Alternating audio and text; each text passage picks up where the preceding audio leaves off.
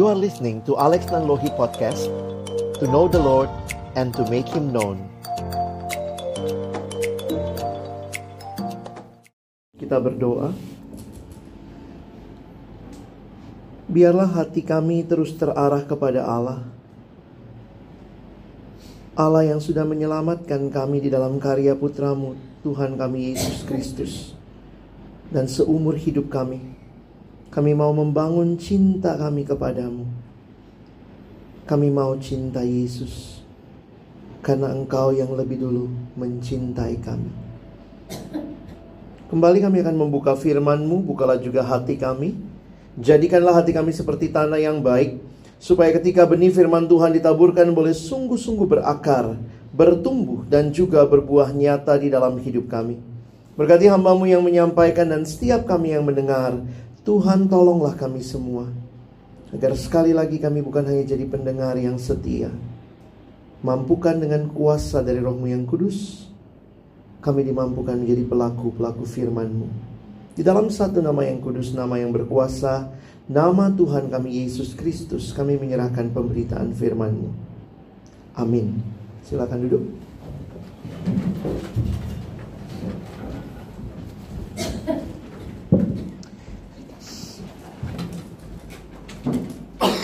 Kita sama-sama akan masuk dalam bagian terakhir di dalam 2 Timotius pasalnya yang keempat dan ini bagian yang saya rindukan kembali kita baca bersama-sama dalam Alkitab kita 2 Timotius pasal yang keempat. Mari teman-teman kita membaca ayat 1 sampai dengan ayatnya yang ke-22. 2 Timotius 4 ayat 1 sampai ayat yang ke-22 kita membaca silih berganti kembali pria dan wanita. Saya mulai membaca judulnya, lalu yang pria mulai membaca ya. Penuhilah panggilan pelayananmu di hadapan Allah dan Kristus Yesus yang akan menghakimi orang yang hidup dan yang mati. Aku berpesan dengan sungguh-sungguh kepadamu demi penyataannya dan demi kerajaannya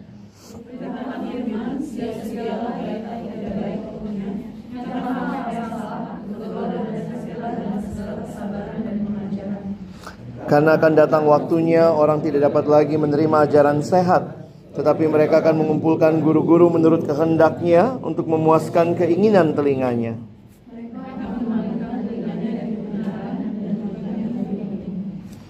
Tapi kalian dirimu dalam segala hal Sabarlah menderita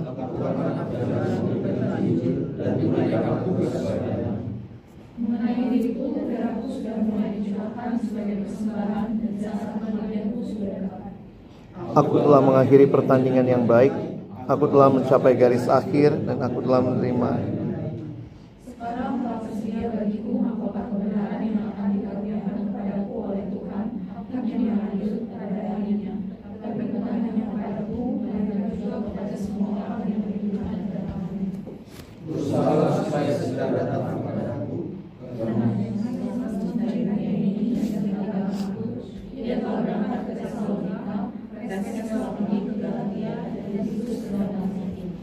Hanya Lukas yang tinggal dengan aku, jemputlah Markus dan bawalah ia kemari, karena pelayanannya penting bagiku.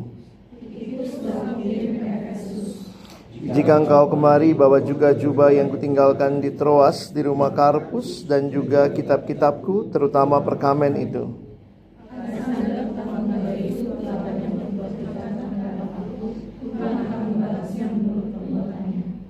Hendaklah engkau juga waspada terhadap dia Karena dia sangat menentang ajaran kita.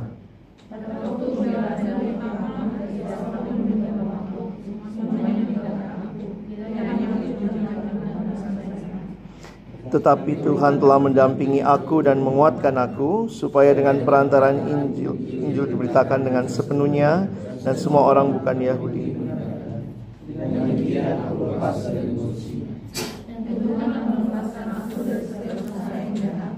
Dia akan menyelamatkan aku sehingga aku masuk ke dalam kerajaan di surga. Baginya lah kemuliaan sampai Salam kepada Priska dan Aquila dan kepada keluarga Onesiforus.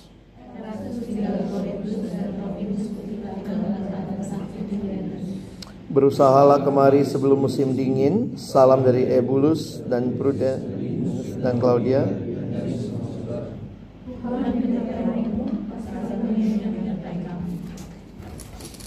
Saya jatuh cinta pada surat 2 Timotius pertama kali ketika di UI kami belajar dalam satu kelompok PAUI dan waktu itu selama satu tahun lebih setiap minggu kerjaannya cuma bolak-balik 2 Timotius dari pasal 1 sampai pasalnya yang keempat. Jadi kalau saya menikmati ini, ini bukan ada di luar kepala ya, udah di dalam kepala ini ya. Maksudnya menikmati betapa indahnya bagaimana kepemimpinan diteruskan dari Rasul Paulus kepada anak rohaninya Timotius. Bayangkan Paulus yang tua di dalam penjara yang gelap dan dingin harus menuliskan bagian ini, saya pikir ini adalah satu surat yang sangat personal sifatnya. Memang kalau kita perhatikan ini surat yang ditulis untuk Timotius. Kok jadi kitab suci bagi kita semua? Beberapa penafsir melihat bahwa ternyata di bagian akhir daripada salam Paulus, kata you yang muncul itu ayat yang terakhir. Tuhan menyertai rohmu, kasih karunia-Nya menyertai kamu. Ternyata dipakai bentuk plural. Jadi ini surat bukan buat Timotius pribadi saja, tapi nampaknya dimaksudkan untuk dibacakan di depan jemaat. Jadi beberapa kali bahkan ini menikmati bagaimana Tuhan berbicara sekali lagi melalui surat 2 Timotius. Adik-adik kelompok kecil saya uh, pernah agak jahat sama saya ya. Kasih hadiah ulang tahun pasal 4 ayat 14. 14 dan 15 karena itu satu kalinya nama saya muncul.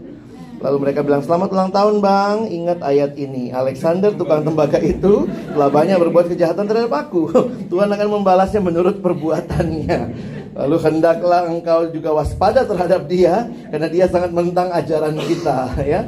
Jadi waktu dapat ayat itu saya bilang Kalian memutarbalikkan firman Tuhan Terkutuklah kamu Baik, nah teman-teman yang dikasihi Tuhan, kembali kita lihat bahwa ini bagian yang diingatkan kepada kita. Saya senang dengan pembagiannya John Stott, dengan dia membagi seperti ini gampang diingat. Ya, pasal 1 bicara pelihara Injil, pasal 2 menderita demi Injil, pasal 3 bertekun dalam Injil, pasal 4 perintah untuk memberitakan Injil. Dari penjara yang gelap menunggu masa kematiannya Ternyata bagi Paulus yang paling penting bukan dia berikan pesan tolong Timotius nanti nisan saya tulisnya ini ya. Jangan lupa ya nanti saya dikuburkan sama ini dan itu. Tapi dari penjara yang gelap itu. Paulus meneriakkan terus beritakan Injil. Dan bagi saya itu satu hal yang luar biasa dari seorang rasul tua. Pasal yang keempat. Di hadapan Allah dan Kristus Yesus. Beritakanlah firman. Siap sedialah, baik atau tidak baik waktunya. Kita bagi dua bagian ini ya. Kita lihat yang pertama pasal 4 ayat 1 sampai 8. Uh, eh, yang rindu sama Korea ini. Ya. Ini saya pakai waktu KKSJ 2007. Udah tua ya, udah lama ya. Waktu itu KKSJ-nya lagi bahas kitab 2 Timotius. Jadi bingung waktu itu anak remaja senangnya apa ya waktu itu ternyata Korea sudah mulai melanda ya. Jadi ini Paulus di hadapan Allah. Sebenarnya aslinya cuma kartun doang gitu. Saya coba-coba taruh ayat di bawahnya. Kira-kira ini ayatnya kali ya. itu kartun aja gitu ya, gambar aja gitu. Gue ini apaan gitu ya. Nah, ini kan anyong asayo, anyong, anyong, anyong. Cinca. ya. Waktunya akan datang orang memalingkan mem memalingkan telinganya dari kebenaran dan membukanya bagi dongeng. Kuasalah darimu dalam segala hal dan seterusnya. Ayat yang kelima tadi, ayat 6 sampai 7 agak hilang gitu ya. Jadi ini langsung ayat yang ke-8. Ini mahkota ya. Paulus, Yesus, sipit. Baik, kita akan lihat sama-sama. Saya coba memberikan uh, bagian ini inti daripada 2 Timotius pasal 4 adalah saudara perhatikan bahwa perintah untuk memberitakan Injil. Apa yang disampaikan inti perintahnya itu dua kali muncul di ayat yang kedua dan ayat yang kelima. Coba perhatikan di Alkitab teman-teman. Ayat 2 dikatakan beritakanlah firman. Siap sedialah baik atau tidak baik waktunya. Nanti di ayat yang kelima diulang lagi. Ayat yang kelima, tetapi kuasailah dirimu dalam segala hal. Sabarlah menderita, lakukanlah pekerjaan pemberita Injil dan tunaikanlah tugas pelayananmu. Nah, apa yang mendasari perintah ini? Ada tiga hal yang mendasari kalau kalian perhatikan. Yang pertama adalah alasan untuk memberitakan Injil, untuk terus memberitakan Injil. Yang pertama adalah bahwa Yesus akan datang kedua kali. Nah ini agak lompat sedikit ke ayat 1. Lalu yang kedua, kondisi zaman diulang lagi di ayat 3 sampai 4 dan nanti kita akan lihat kondisi Paulus sang rasul tua di ayat 6 sampai 8. Perhatikan ini bentuknya perintah. Preach the word. Ayat 2 dikatakan siap sedialah, nyatakanlah, tegorlah, nasihatilah. Ini semua bentuknya perintah. Jadi ini adalah satu bagian yang mau disampaikan Paulus kepada Timotius bahwa ini bukan sesuatu yang sekedar suggestion. Ya mbok ya beritakan Injil kalau bisa. No. Nyatakanlah.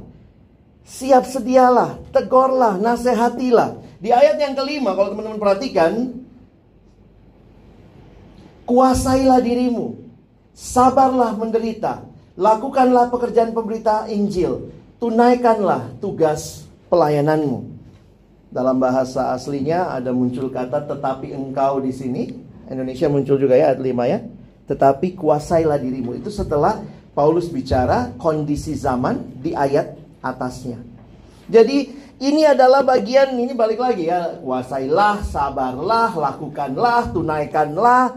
Di akhir suratnya, Rasul Paulus memberikan perintah kepada Timotius. Seolah-olah kalau saya membayangkan teman-teman ya, Timotius yang masih muda itu harus betul-betul sadar panggilan yang Tuhan berikan dan Paulus memberikan kepada dia hal yang apa desakan yang begitu rupa. Sehingga perhatikan teman-teman ya. Kalau John Stott menyimpulkannya begini. Seolah-olah Paulus mau mengatakan, beritakanlah firman pada segala kesempatan dengan segala kebenaran dalam segala kebenaran dengan segala usaha. Do everything to preach the word. Akhirnya saya meyakini kalimat tadi itu ya. Sebenarnya pemberitaan Injil itu tidak dihalangi oleh musuh-musuh.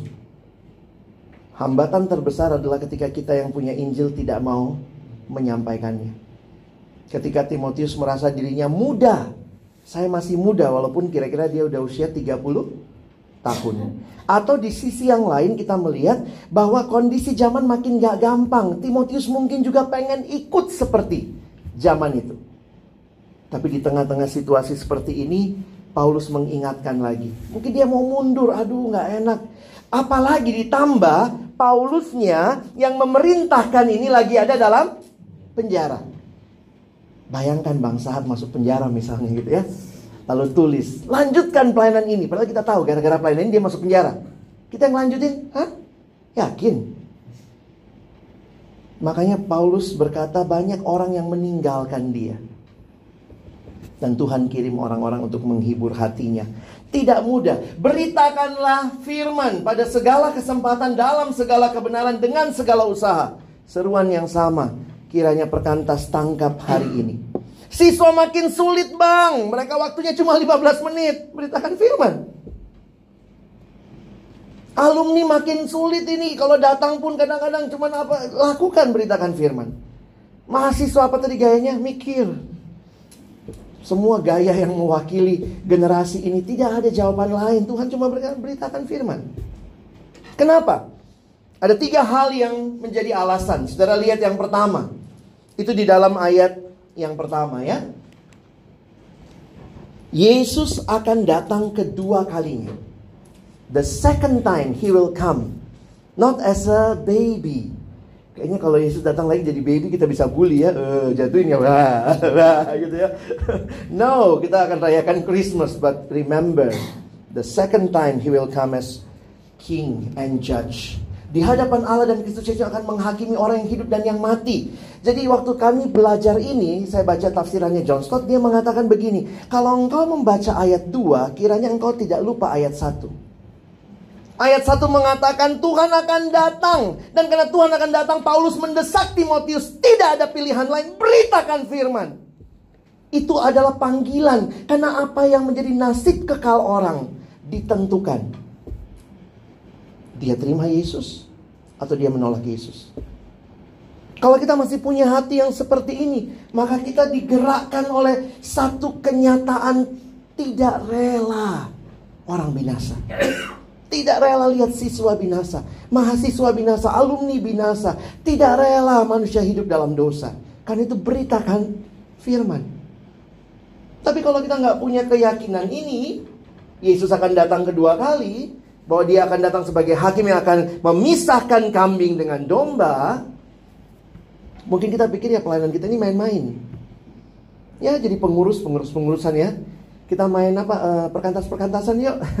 Kamu jadi PC-PC-an, ya yang satu jadi uh, staff-staffan gitu ya. Terus kita jadi ketua PAK-PAK-an, ketua uh, PMK-PMKJ-an. Tapi ini bukan mainan ada satu hal yang luar biasa penting. Sampai di akhir hidup sang rasul tua, yang muncul dalam benaknya adalah beritakan firman. Ini janji tentang hidup.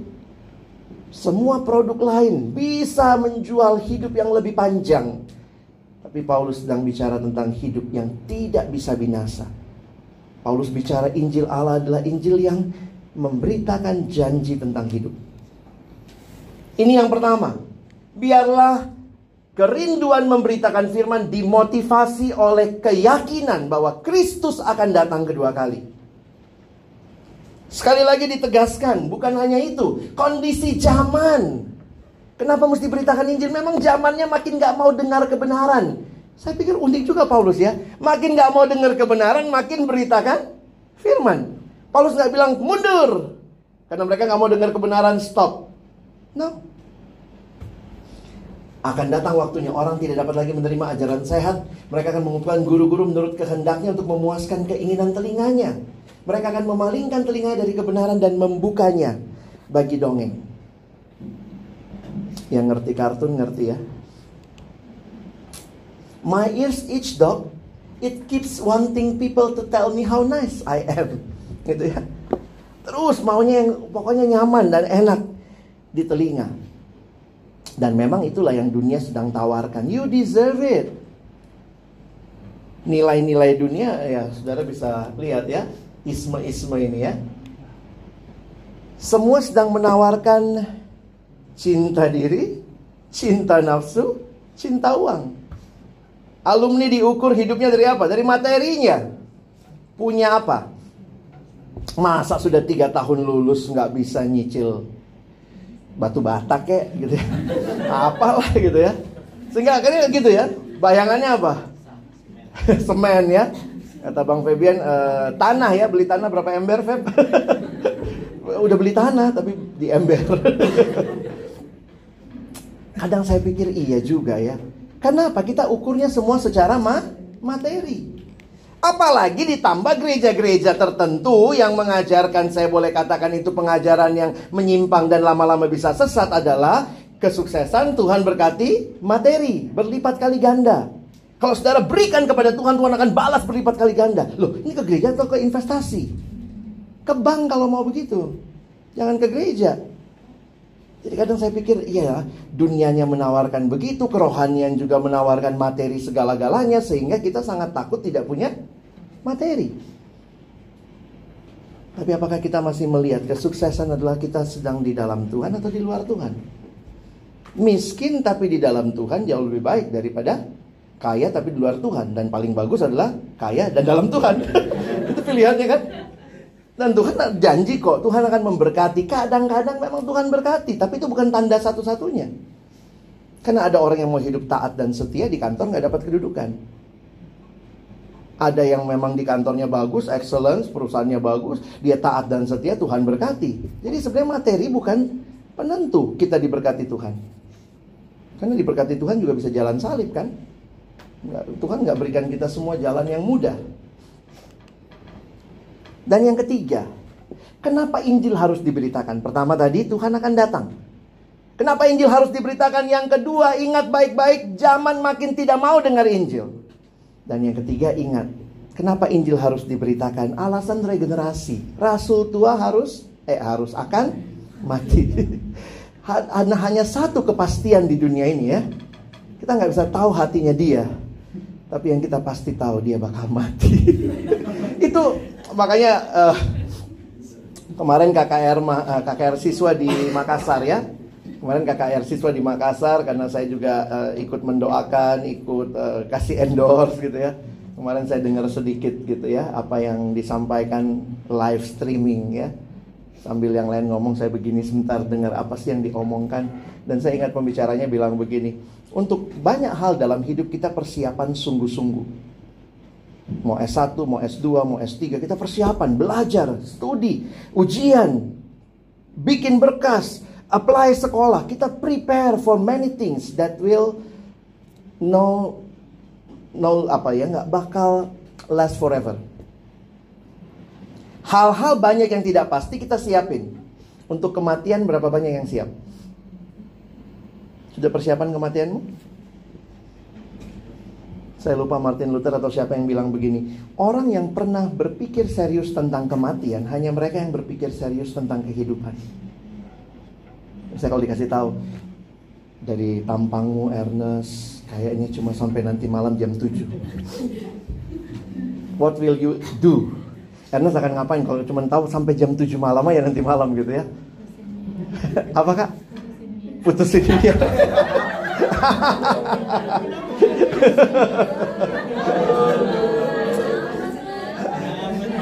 Kenapa cuy? ya itu inilah ya. Pasti banyak hal yang bisa kita pikirkan. Nah, mungkin ada yang saya tanya anak siswa dulu kan.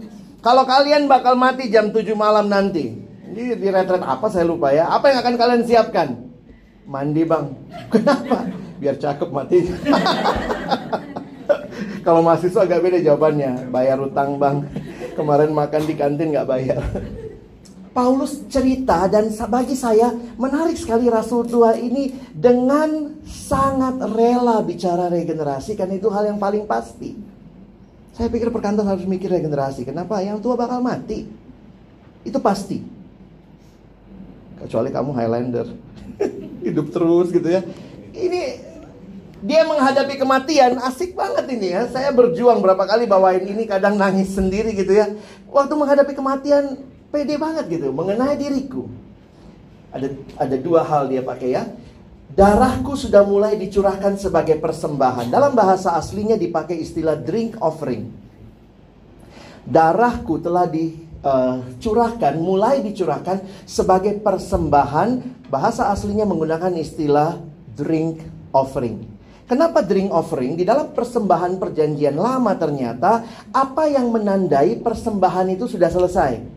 Ternyata di bagian akhir dari persembahan, imam akan mengambil air lalu itulah korban minuman yang terakhir. Saya waktu lihat dengan apa baca latar belakangnya agak mirip kayak film silat kali ya. Kalau udah terakhir misalnya yang orang Chinese itu ya, ada nyembah-nyembah itu, habis selesai kan terakhir, oh, ya master. Nah itu udah terakhir. Nah Paulus sudah melihat hidupnya, darahku sudah mulai dicurahkan seperti persembahan minuman. Hidup adalah persembahan. Kata lagu hidup adalah kesempatan ya. Tapi saya dia lihat hidupnya luar biasa. Waktu dia lihat hidupnya dia melihat bahwa this is my sacrifice for the Lord. Hidup adalah persembahan. Hidup bukan sekedar sebuah kehidupan yang harus dijalani hari demi hari yang tidak jelas artinya tetapi ketika kita punya perspektif hidup adalah persembahan kita akan melakukan the best. Karena apa? Persembahan nggak mau kita kasih yang biasa aja. Dia mengatakan darahku sudah mulai dicurahkan sebagai persembahan. Berarti dia melihat hidupnya sebagai sebuah persembahan. Bagian selanjutnya saat kematianku. Saudara bahasa Indonesia gunakan istilah kematian. Ini terjemahan yang diparafrase kata aslinya my departure, saat keberangkatanku. Di mana kalian ketemu departure? Di bandara ya? Waktu dia akan mati, Paulus melihat hidupnya seperti akan berangkat. Nah, waktu itu para penafsir mengatakan pasti Paulus nggak mikir bandara karena belum ada bandara. Di mana orang akan melakukan departure itu di pelabuhan. Di pelabuhan pada waktu itu. Jadi dalam beberapa terjemahan yang lain mengatakan bahwa saat aku berlabuh ke tempat yang baru. John Stott mengatakan kalimat yang menarik. Bagi Paulus, dia melihat kematian adalah beralih dari dunia ini pergi ke tempat yang kekal bersama Allah. Itu berarti membuka tambatan dari perahu hidupnya dan berlabuh menuju pelabuhan abadi di mana dia akan bersama dengan juru selamatnya. Kematian bukan hal yang enak. Timotius dekat sama Paulus 16 tahun. Pasti membaca ini Timotius juga sedih. Waktu dia tahu Paulus bilang aku akan mati. Tapi Paulus menggunakan imagery yang luar biasa. Aku akan berlabuh ke sana. Kamu yang bakal nyusul tim. Aku nggak bisa balik. Hidup adalah satu perjalanan dan kematian adalah pindah pelabuhan. Cuman pindah pelabuhan. Dari sini ke pelabuhan abadi bersama kekasih jiwa kita, Tuhan Yesus Kristus.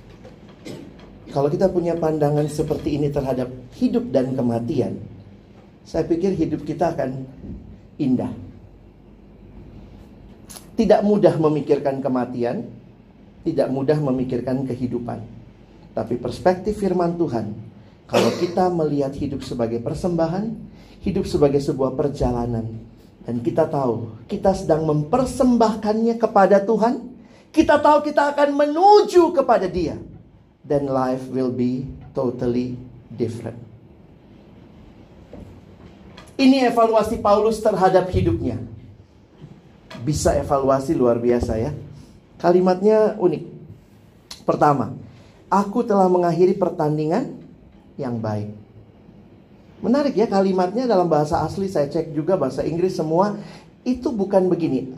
Bukan aku telah mengakhiri pertandingan dengan baik.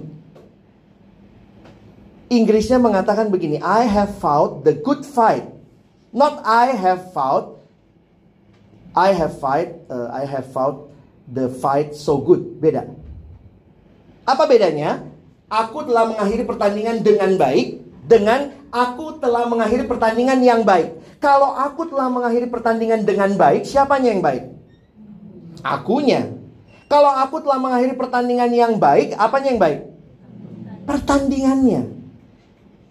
Wah ini kalau kayak imagery lah ya. Paulus melihat hidup sebagai sebuah pertandingan. Dan nampaknya yang ada di benaknya waktu itu, karena waktu itu cuma ada pertandingan lari, ini yang dia ingat. Hidup itu adalah sebuah pertandingan lari dan aku telah mengakhiri pertandingan yang baik. Saudara yang dikasihi Tuhan kalau melihat hal ini bagi saya menarik sekali untuk melihat bagaimana Paulus bisa melihat ia tidak salah pilih pertandingan. Saya ulang ya. Dia tidak salah pilih pertandingan. Banyak orang yang tinggalkan Paulus wong pemimpinnya masuk penjara, pasti pertandingannya salah nih.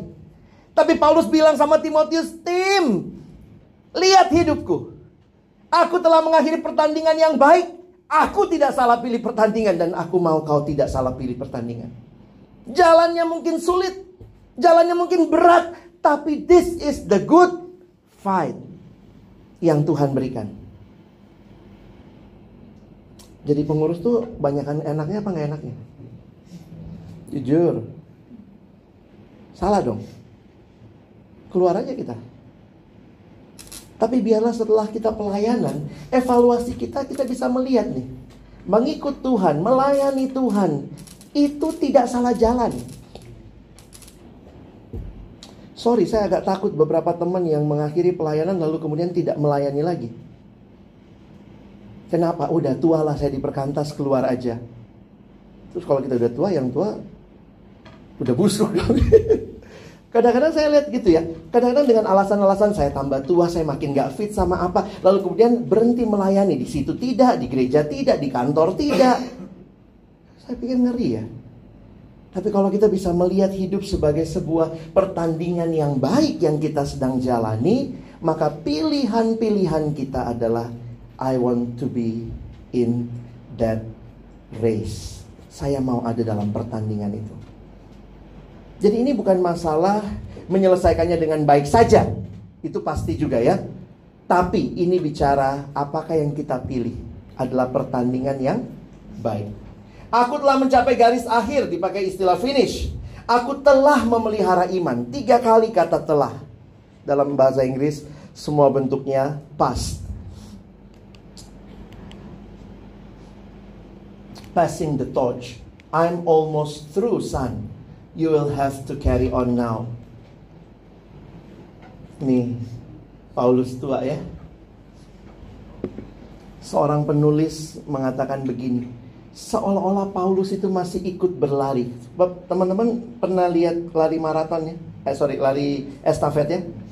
ketika lari estafet, sebenarnya ketika diteruskan, maka yang meneruskan itu pun masih sambil berlari. Sementara yang satu pun mulai ambilnya, dia nggak begini ya. Kalau begini, ambil terus lari telat ya. Jadi ada yang bahkan mengatakan begini, seolah-olah Paulus bilang, I want, I want to be still in this race. Tapi bukan aku lagi, ini sudah bagianmu. Sambil dia terus berlari karena sampai di akhir hidupnya Paulus belum pernah selesai memberitakan Injil. Dia tidak berhenti. Sorry, I am retired. Saya sekarang berhenti memberitakan Injil. No, he is still running with that torch. But he's now realizing, now it's my not my turn. It's now your turn.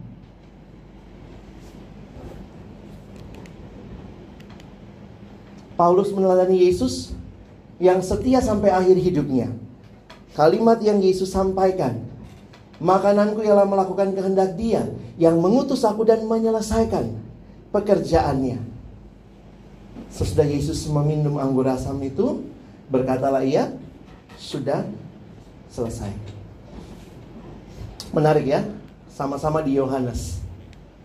Aku mau menyelesaikan.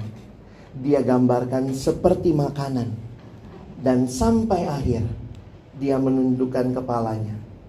It is finished. Matius 25 memberikan dua kualifikasi penting bagi saya untuk kita renungkan. Baik sekali perbuatanmu itu hai hambaku yang baik dan setia. Jadi yang dievaluasi bukan sekedar hasilnya, tapi prosesnya. Are you faithful to the end? Karena apa? Kalau teman-teman nanti lihat ayat 21, 23, bagi hamba yang dipercayakan lima, dipercayakan dua, pujiannya sama. Persis sama. Nanti cek ayatnya 21 dan 23. Jadi saya simpulkan bagian pertama dengan kalimat ini. Banyak orang yang memulai dengan baik, tapi hanya sedikit yang menyelesaikan sampai akhir dengan baik. Karena itu Paulus mendorong Timotius, anak rohaninya, dan juga semua jemaat yang kepadanya surat ini dibacakan. Dan bahkan kita yang menerima ini sebagai firman Tuhan hari ini. Terus beritakan Injil. Paulus masih pengen saudara tuh saya kalau bayangin tuh kayak masih pengen, aku masih pengen beritain Injil. Tapi memang ini udah waktumu. Kematian dia hadapi dengan baik. Dan tugas melanjutkan. Dia teruskan dengan baik. Bagian selanjutnya yang kita baca tadi. Ini mulai kepada hal-hal umum. Ada beberapa orang ini mencintai dunia. Makanya warnanya hitam putih pembelaan. Jadi Paulus waktu itu punya kesempatan bela diri sesuai dengan hukum Romawi, dia bisa mengajukan pembelaan. Dan nampaknya sebagaimana pembelaan-pembelaan sebelumnya yang dia lakukan dalam pembelaan apa? Beritakan Injil. Gila bener nih orang. Udah di pembelaan makanya sampai Agripa bilang, hampir-hampir saja kau yakinkan aku jadi Kristen.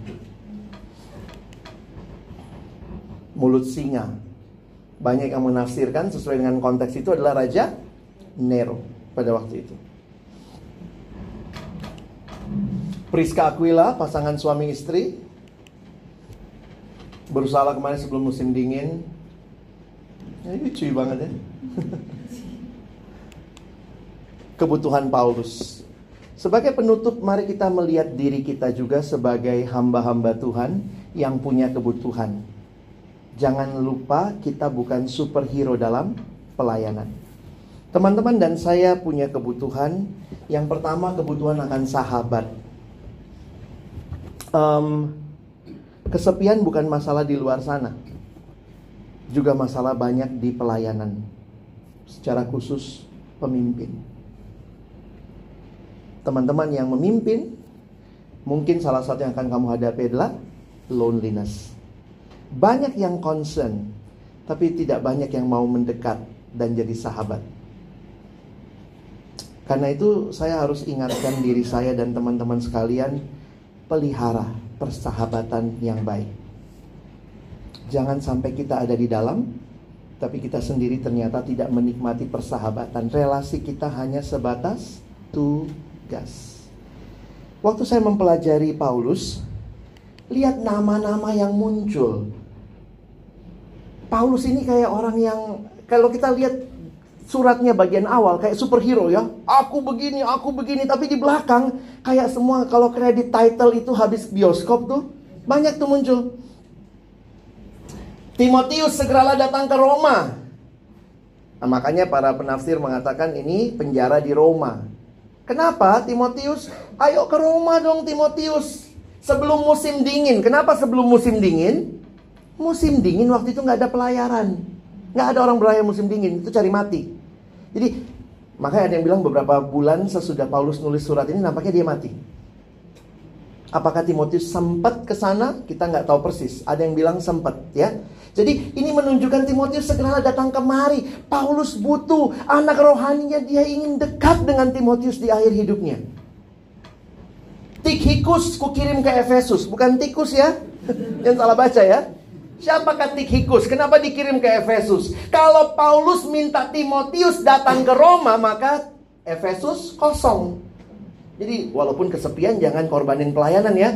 Gue kesepian dong, ayo temenin gue jalan. Nggak bisa. Paulus bahkan care, dia pikirkan jangan cuma aku yang kesepian nanti. Jemaat kalau saya ambil Timotiusnya kesepian juga, dia kirim Tikhikus. Nah, secara penafsiran berarti siapa yang bawa surat 2 Timotius?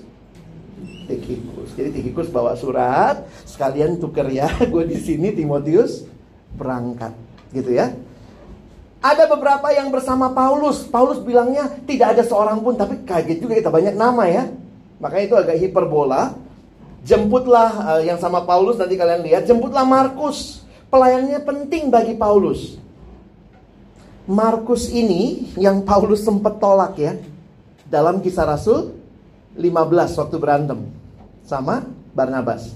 Kenapa Barnabas terima Markus? Itu ponakannya. Tapi waktu saya pikir Paulus orangnya sportif. Begitu berubah hidupnya Markus, Paulus dengar, Paulus pun bahkan masukkan dalam timnya. Tidak ada orang yang nggak bisa berubah. Kita suka cap orang ya labeling. Udahlah, jangan nama dia deh. Dia pasti dia bakal begini. Pasti ya. Kita yang memastikan. Orang berubah pun kita nggak lihat. Kenapa? Dia pasti begitu. Gue nggak suka sama dia. Sebenarnya itu intinya. Tapi Paulus bukan masalah like or dislike. Dia tahu orang yang paling mungkin dulu gara-gara orang ini dia berselisih paham dengan Barnabas. Tapi karena kredibilitas yang terjadi dia ajak. Dan akhirnya kita lihat ya Markus jadi penulis Injil Markus. Memang dia dekat sama Petrus juga dia juga dekat sama Paulus ya. Jadi nggak tahu dia jemput di mana ya. Mungkin ketemu di pengkolan gitu ya.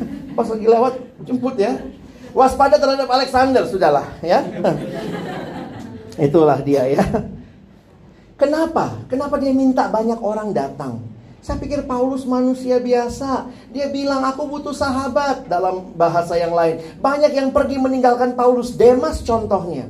Kita tidak tahu Demas ke mana. Tapi Paulus mengatakan dia telah mencintai dunia ini. Kreskes. Ini nampaknya tugas pelayanan. Ini beda ya. Ini tugas duniawi. Ini yang tugas pelayanan. Kreskes ke Galatia, Titus ke, ke Dalmatia, ngurusin Dalmatian kali ya. Tapi apa yang butuh? Saya butuh sahabat. Saya harap teman-teman dalam posisi kepemimpinan jangan merasa kamu bisa sendiri. You need friends. Ketua PMKJ, PAKJ, ketua apa lagi nih? Eh, PC, ketua BPC, staff, kita semua butuh kok orang-orang yang berjalan bersama kita. Kita butuh didengar, kita butuh mendengar, dan mari kita belajar jadi sahabat. Ini sangat sangat penting. Teman-teman dan saya butuh sahabat. Coba pikirkan bagaimana kita bisa mewujudkannya. Saya nggak tahu kalau kita makin besar begini, kadang-kadang kedekatan kita superficial. Kita belum tentu dekat dan dalam satu sama lain. Tapi mari belajar membangun persahabatan. Itu kebutuhan pelayanan. Ingat, Paulus masih melayani.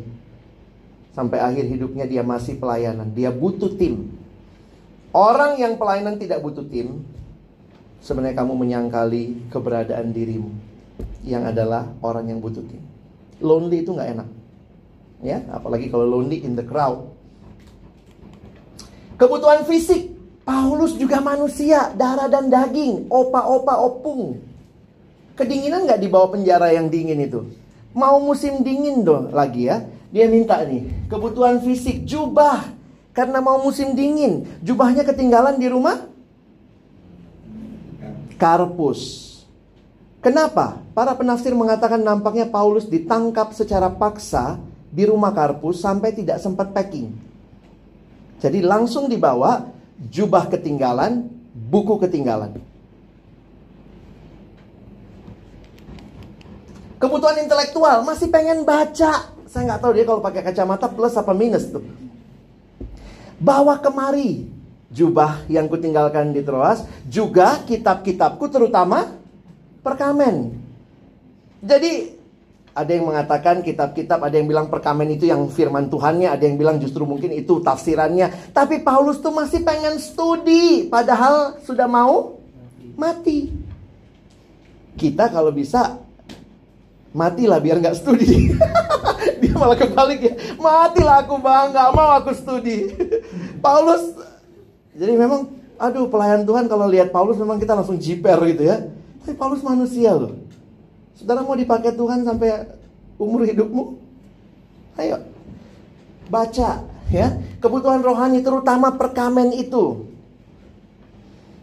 Jadi ini kebutuhan-kebutuhan kita ya. Sebagai penutup, ini kondisi Paulus dalam penjara 16 sampai 18. Semua orang meninggalkan dirinya, tapi Tuhan selalu bersama Paulus. Itu yang dia yakini. Paulus memanfaatkan pengadilannya di hadapan pemerintah Romawi untuk sekali lagi menyampaikan Injil. Pada saat pembelaanku yang pertama tidak ada seorang pun bersama aku tapi Tuhan bersama aku. Dia lagi nunggu pembelaan yang kedua. Tapi nampaknya sesudah itu dia dijatuhkan hukuman mati. Paulus yakin akan keselamatan kekalnya. Jadi mati buat dia no problem begitu ya.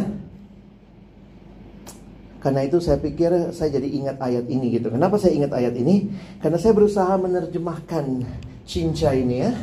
Oh coba coba 20 ayat 24 Saya cari-cari. Kayaknya kisah Rasul 20 ayat 24 ya. Apalagi yang punya ayat 24 kan? Mungkin saya gitu ya. Ayo kita baca sama-sama ya. Satu dua ya. Tetapi aku tidak menghiraukan nyawaku sedikit pun. Asal saja aku dapat mencapai garis akhir dan menyelesaikan pelayanan yang ditugaskan oleh Tuhan Yesus kepadaku untuk memberi kesaksian tentang Injil kasih karunia Allah. Akhirnya Paulus menggenapkan apa yang dia yakini. Dia bicara ini di depan penatua Efesus. Kisah Rasul 20. Tuhan menyertai rohmu Kasih karunia-Nya menyertai kamu. Saya pikir juga ini bukan salam basa-basi. Karena itu perhatikan ada gambaran begini. Tuhan menyertai rohmu Timotius. Kasih karunia-Nya menyertai kamu. Tapi di bagian sebelumnya dia berkata baginya lah kemuliaan sampai selama-lamanya. Saya simpulkan dengan kesimpulan John Stott dia bilang begini. Kasih karunia dari Kristus kepada kita membawa dampak kemuliaan dan kehormatan dari kita kepada Kristus. Lihat ayat 18 dia katakan, baginya lah kemuliaan sampai selama-lamanya. Lalu di sini kasih karunia-Nya menyertai kamu. Maka dia katakan hanya kasih karunia dari Kristus kepada kita yang Kak Lina bawakan kemarin. Jadilah kuat oleh kasih karunia. Ditutup dengan berkat kasih karunia Tuhan Yesus Kristus. Diakhiri dengan membawa dampak kemuliaan dan kehormatan dari kita kepada Kristus. 2 Timotius kita selesai bahas. Janganlah malu bersaksi tentang Tuhan kita. Dan janganlah malu karena aku seorang hukuman karena dia. Melainkan ikutlah menderita bagi Injilnya oleh kekuatan Allah. Panggilan yang sama Tuhan berikan saat ini buat perkantas. Teruslah beritakan Injil. Ada situasi yang berubah. Tapi kita dipanggil beritakan Injil. Ingat Tuhan pasti datang. Yang kedua ingat zaman makin tidak suka kebenaran. Tapi justru kebenaran harus diperdengarkan. Yang ketiga harus ada regenerasi. Bersyukur setiap generasi ada yang baru ya. Kemarin Bang Sar nanya siapa yang baru ikut ya. Saya pikir kalau sampai Bang Sar tanya siapa yang baru ikut terus nggak ada yang baru. Pelayanan kita dari dulu sampai sekarang orangnya itu itu aja. Saya pikir kita lupa diri. Kita bakal mati harus ada orang yang meneruskan ini. Dalam bahasa Korea ini artinya May God bless you. Annyeong haseyo. ini apa sih? Ayo, ada yang bisa baca nggak? Iya, may God bless you ya. may God bless you. Oke. okay. Saya sekali lagi terima kasih boleh boleh dipercayakan menikmati ulang kitab 2 Timotius yang buat saya sangat meneguhkan dan saya berharap uh, ini jadi juga peneguhan bagi kita sekalian. Ya, mari kita tunduk kepala, kita berdoa. Tuhan terima kasih banyak keindahan firman-Mu membuat kami terus kagum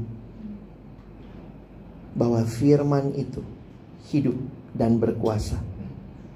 Terima kasih ya Tuhan karena Engkau yang memanggil Paulus, Engkau yang memanggil Timotius, Engkau Allah yang sama memanggil kami di generasi ini. Memberitakan firman, siap sedia, baik atau tidak baik waktunya, dengan segala kebenaran dalam segala upaya. Biarlah perkantas berdiri teguh, bukan karena kami punya banyak fasilitas yang terus memang makin ditambahkan kepada kami. Kami sangat bersyukur untuk semua fasilitas itu. Tapi kasih karunia Allah yang meneguhkan kami untuk maju bersama. Terus memberitakan firman kepada siswa, mahasiswa alumni, Injil yang tidak berubah. Itulah yang terus kami beritakan dari generasi ke generasi. Teguhkan adik-adikku, teman-temanku, para pengurus komponen, khususnya mereka yang sedang dalam posisi-posisi kepemimpinan inti, ketua-ketua, tim inti yang ada, ingatkan terus bahwa Tuhan menyertai mereka. Bukan menyertai untuk melakukan hal-hal yang tidak seharusnya, tapi menyertai mereka untuk memberitakan Injil. Itu janji Tuhan bagi kami. Terima kasih sekali lagi buat firman-Mu, terima kasih buat apa yang boleh kami terima. Dalam nama Yesus kami berdoa. Amin.